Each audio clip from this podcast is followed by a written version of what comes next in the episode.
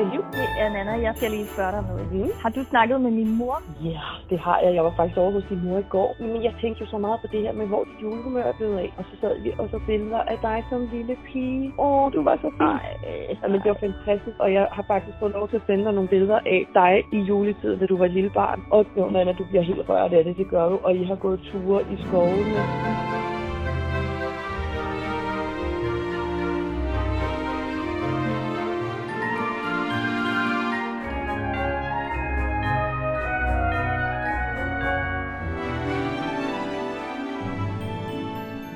Det er morgen den 18. december, og morgenen er tung. Jeg er tung og træt. Det var en meget hård nat, synes jeg. Men jeg tænker, at det er fuldstændig perfekt timet, at lige præcis i dag er en af de der gode, lange og frydefulde sofadage. Ah, sådan en, hvor en middagslur bare kan vare hele dagen. Men jeg kan jo ikke lige helt lade være med at inspicere nattens arbejde alligevel. Jeg offrede trods alt min evigt vigtige skønhedssøvn for at være med. Og det ser så flot ud.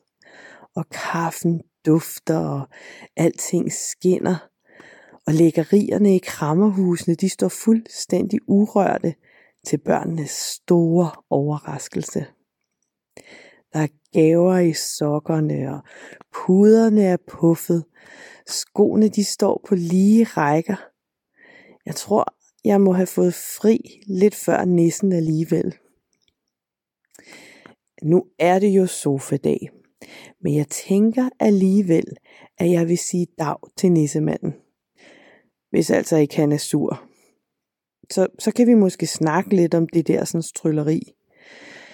Jeg ved godt, jeg ikke lige er verdens bedste elev.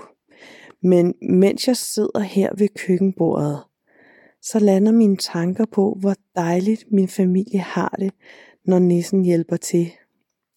At det der sådan stress og ja, det føles mere som sådan en dag uden planer og knap så meget ståhej og spektakel.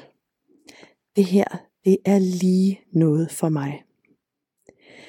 Damen, hun har lagt sig til rette på hendes yndlingspude med det grønne tæppe i sofaen.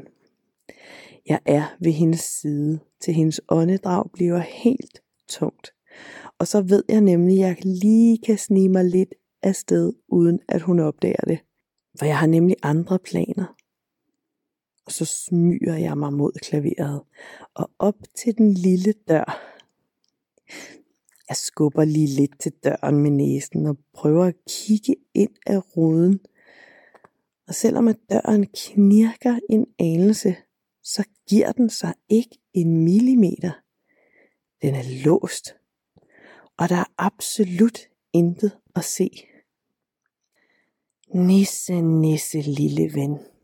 Hvor kom du egentlig fra?